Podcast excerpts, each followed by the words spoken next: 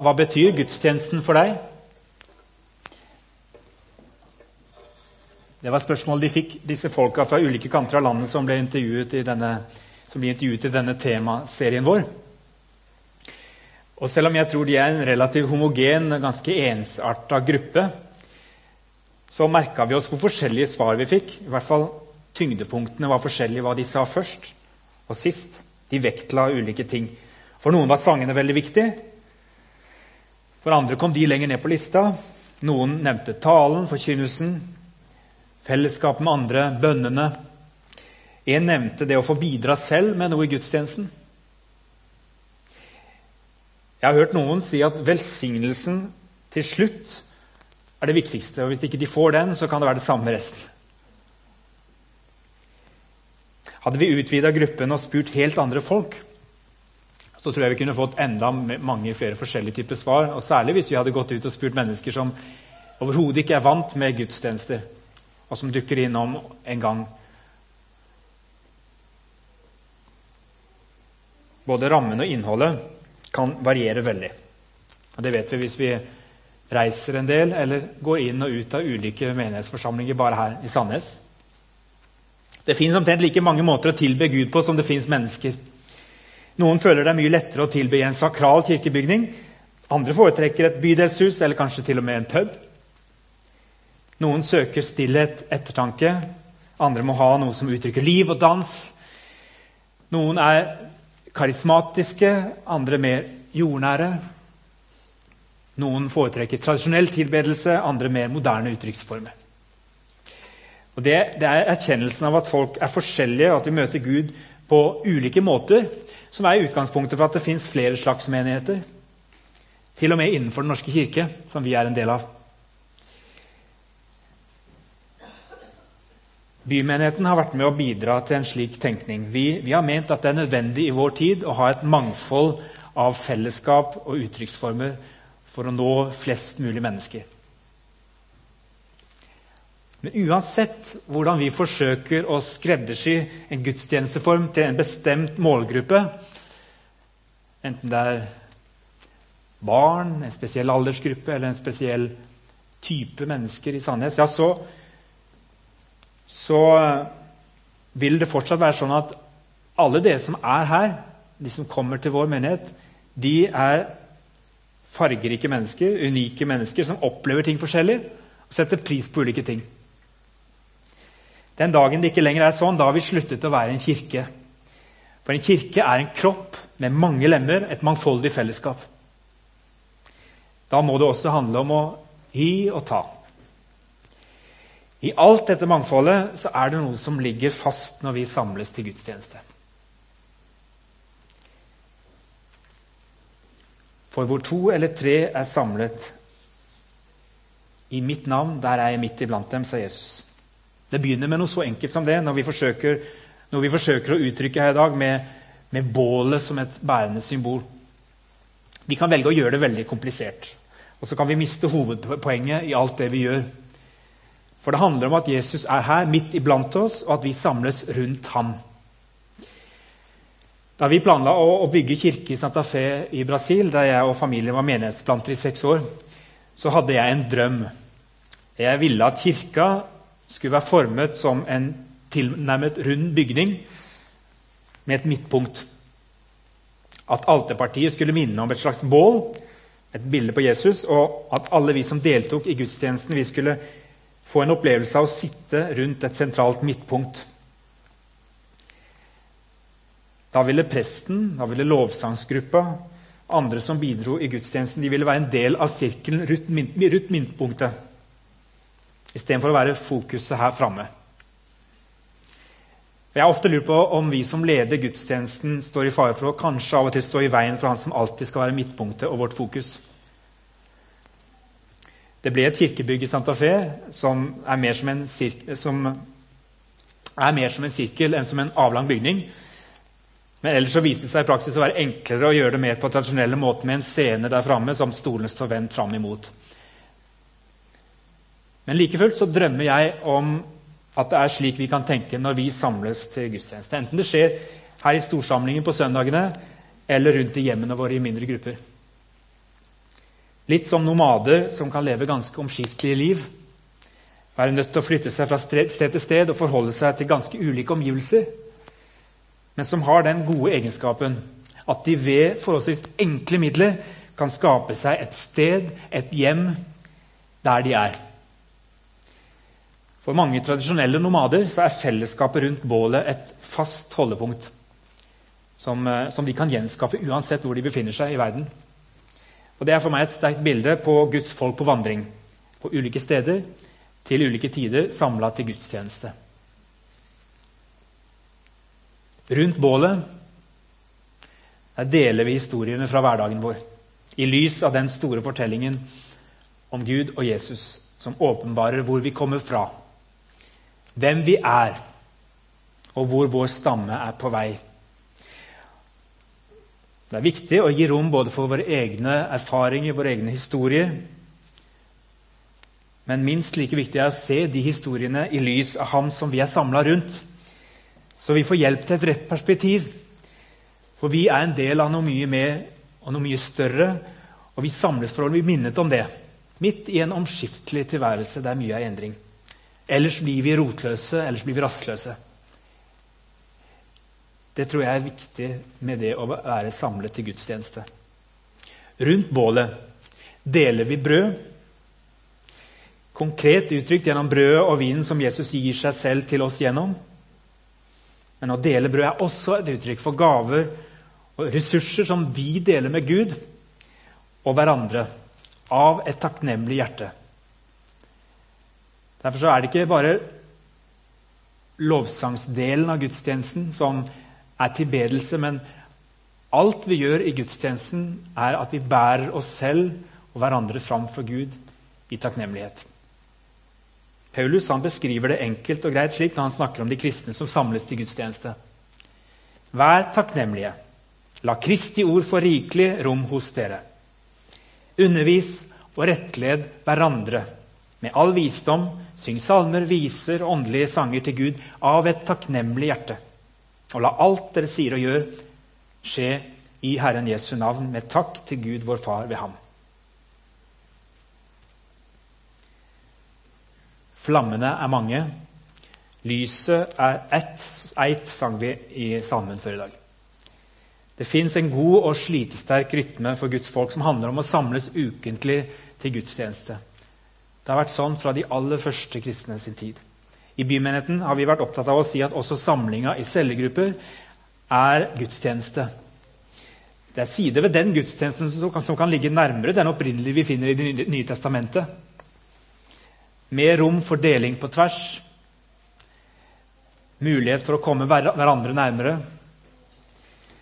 Og så trenger vi tror jeg, samtidig også storsamlingen, der vi i større grad blir minnet om mangfoldet i Guds kropp på tvers av generasjoner og personligheter. Men lyset vi samles rundt, det er akkurat det samme. Jesus er midtpunktet. Bålet. Det går kanskje an å snakke om søndagsgudstjenesten som et uh, sankthansbål og cellegruppa som et leirbål. Flammene er mange, lyset er ett. Jeg har sammenlignet oss med nomader Folk som lever omskiftelige liv, og som trenger bålfellesskapet som et fast holdepunkt. Men det fins eh, tradisjonelle nomader, f.eks. i Afrika.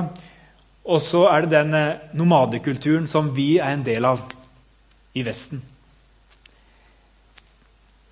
Og det er noen ulikheter.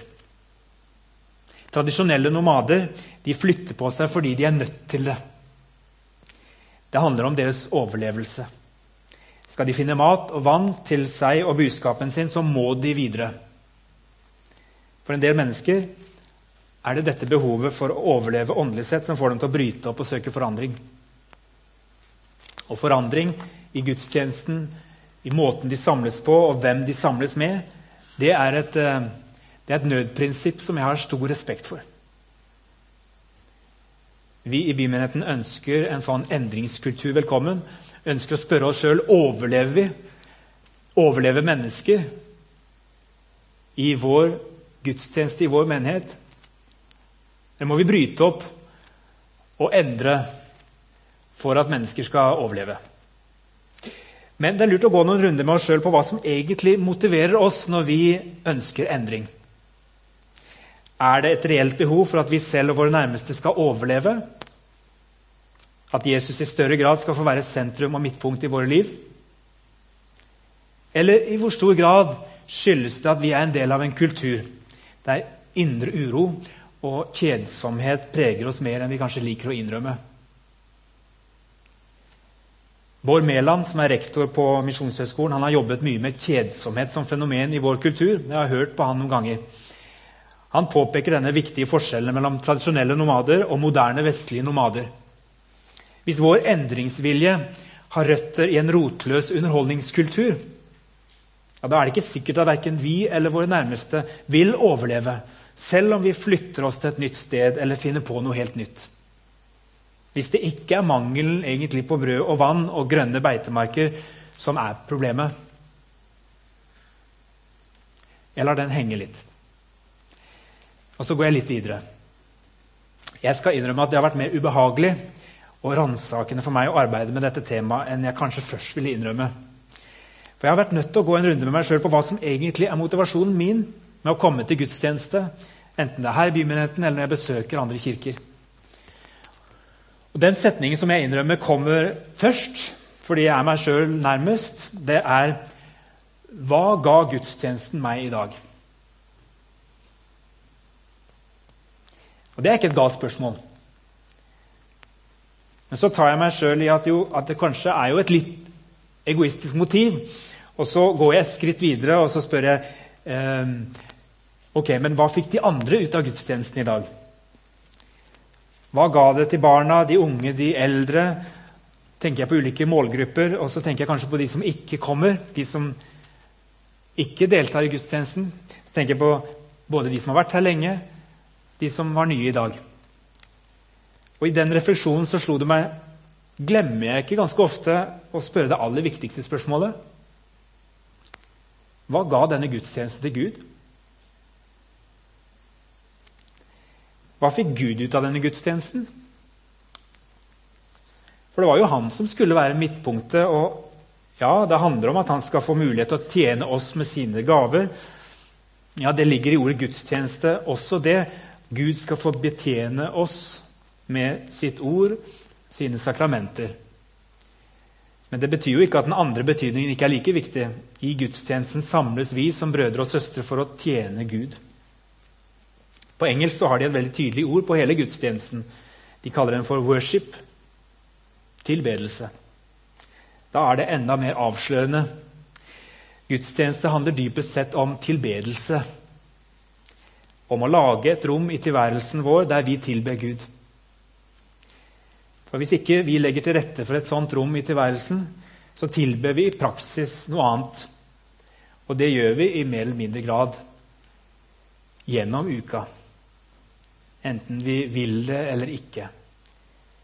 Det skjer mye tilbedelse f.eks. på fotballkamper. Av og til så syns jeg jo det er fantastisk å se på, på, mennesker som er på fotballkamp, og som virkelig lever, eh, lever livet for denne, her, denne her kampen og de som de heier på. Det ser jo tilforlatelig ut som, som eh, ja, sånn gode, skikkelig gode pinseforsamlinger som vi har litt for lite av her. Litt for lite av det uttrykket der på en måte. Men, men det er en del av de der som, eh, som da gjerne gjør det når de har fotballkamp, men de, de, løfter ikke armene her. Men det er også en form og et uttrykk. Det er jo ikke sånn at man tilber det laget man, eh, man går på fotballkamp og, og heier på, men, men, det ligger noe av det samme i det som det det handler om å være til gudstjeneste. Jeg tror at det handler også der om hva vi gir vår tid, oppmerksomhet og hengivelse. For andre så handler det om eh, jobben vår, mobiltelefonen vår, PC-en vår.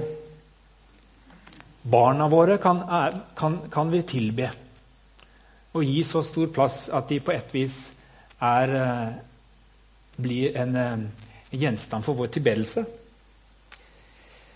I det hele tatt, Ting som vi dedikerer masse tid og energi til, det henger vi drøm, det vi henger våre drømmer og framtiden vår på, det har en tendens til å bli vår tilbedelse. Nøkkelspørsmålet er ikke skal jeg eller skal jeg ikke være en tilbeder, men hvem skal jeg tilbe? Og Skal vi være ærlige, så er det kanskje slik at hvis vi ikke tilber Jesus, så er det i bunn og grunn oss selv vi tilber. Det er, det er noe med det å samles til gudstjeneste som i alle fall hjelper oss til å sette fokus. Fokuset er ikke primært meg selv. Det er faktisk heller ikke primært mennesker rundt meg, selv om de er viktige. Fellesskapet. Men det er faktisk Jesus. Bålet vi er samla rundt. Derfor er ikke det viktigste spørsmålet hva fikk jeg ut av denne gudstjenesten. Hva ga den meg? Eller hva ga denne gudstjenesten de og de personene som jeg tenker på? Det viktigste spørsmålet, eller det første spørsmålet, i hvert fall, er hva ga jeg Gud i denne gudstjenesten? Fikk han min tilbedelse? Fikk han min oppmerksomhet? Min tid? Min hengivelse? Vi kan ha mange og viktige meninger. Er bønnene for korte eller for lange? For frie, for liturgiske? Og Dere må gjerne kaste terninger på talen. Ikke bokstavelig talt, men inni oss eller ved middagsbordet etterpå, sånn som jeg vet at mange sikkert gjør. Det er ikke galt, bare vi spør oss selv hvorfor, hvorfor vi gjør det. Er det for å skape gudstjenester som vi kan nyte, eller skulle ikke egentlig fokuset være at vi skaper en gudstjeneste som Gud kan nyte og glede seg over? Var det noe som ble borte underveis i hele vår tenkning om hva eller hvem som er i sentrum for gudstjenesten? Derfor formaner jeg dere ved Guds barmhjertighet, søsken, sier Paulus i Romerne 12, 1. Bær kroppen fram som et levende og hellig offer til glede for Gud. Det skal være deres åndelige gudstjeneste så har iallfall jeg lyst til å øve meg litt på disse spørsmålene når jeg reflekterer over gudstjenesten eller samlingen i cellegruppa. Fikk Jesus noe i dag?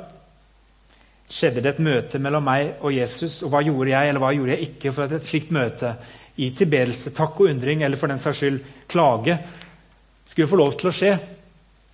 Hvordan fikk kroppen min være et levende og hellig offer til glede for Gud i dagens gudstjeneste? Skjedde det et slikt møte i nattverden? Kanskje i synsbekjennelsen før nattverden? Lot jeg det skje gjennom ordene som vi sang i en eller flere av sangene? Eller når barna sprang fram, og jeg så deres glede eller undring og liv? Eller valgte jeg å sette meg selv på behørig avstand og unngikk et virkelig møte? Jeg kan tilbe Gud sju dager i uka når jeg kjører bil, kanskje med noe god, musikk på.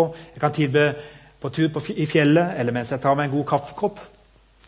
Likevel er det noe spesielt med å komme sammen med hele Guds folk som hans kropp og tilbe. Og Kanskje det er det Jesus hadde i tankene da han sa for, for hvor to eller tre er samlet i mitt navn, der er jeg midt iblant dem.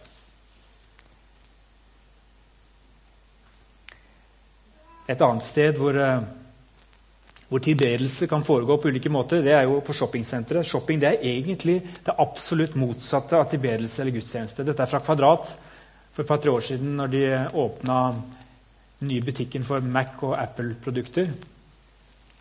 Da sto det en lang kø utafor for å få tak i noen av tilbudene som kom den første dagen. Når du kommer på et shoppingsenter, så kommer du med en tom kurv og den blir fylt opp for deg. Når jeg kommer til gudstjeneste, så kommer jeg med alt mitt. Og så gir jeg meg selv og alt mitt til ham. Og Sånn sett så er egentlig gudstjeneste og shoppingsenter diametrale motsetninger. Det er denne overgivelsen som det ikke er så moderne å snakke om lenger, men eh, som setter oss i frihet til å tjene vår neste. Vi tar med oss den undringen over hva vårt fellesskap og gudstjenesteliv motiveres av og bæres av. Og vi stiller oss gode spørsmål om hvordan gudstjenestene kan bli bedre, og det skal vi ikke slutte med. Hvem er de for? De er for oss. Eh, og på oss selv så kjenner vi en del andre, men ikke alle andre. Men de er også for en del andre, og derfor så stiller vi det spørsmålet. Mennesker som ikke er her enda. Men jeg tror at gudstjenesten den blir både for oss og for mange andre hvis den først får lov til å være for ham.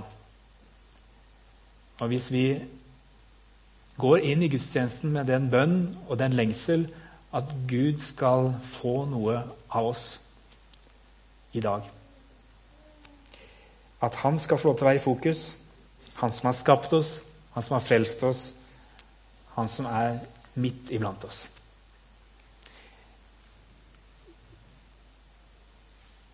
Jeg skal få lov til å være litt i ettertanke og refleksjon. Det var en som sa det her tidligere i intervjuet, at hun syntes det var godt med litt stillhet. Det vil ikke være helt stille, men dere skal få lytte litt til denne eh, refleksjonen som, eh, som, er laget til dette temaet, som også kan settes på i, i cellegruppen og være en del av, eh, av ettertanken der. Men nå hører vi den også her i gudstjenesten. Og så kan dere være litt i bønn og ettertanke og lytte til dette.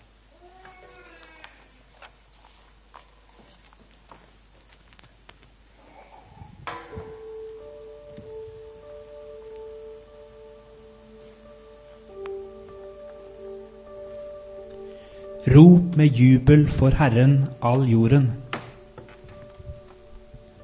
Føler du noen ganger for å rope høyt til Gud? Er det da av glede?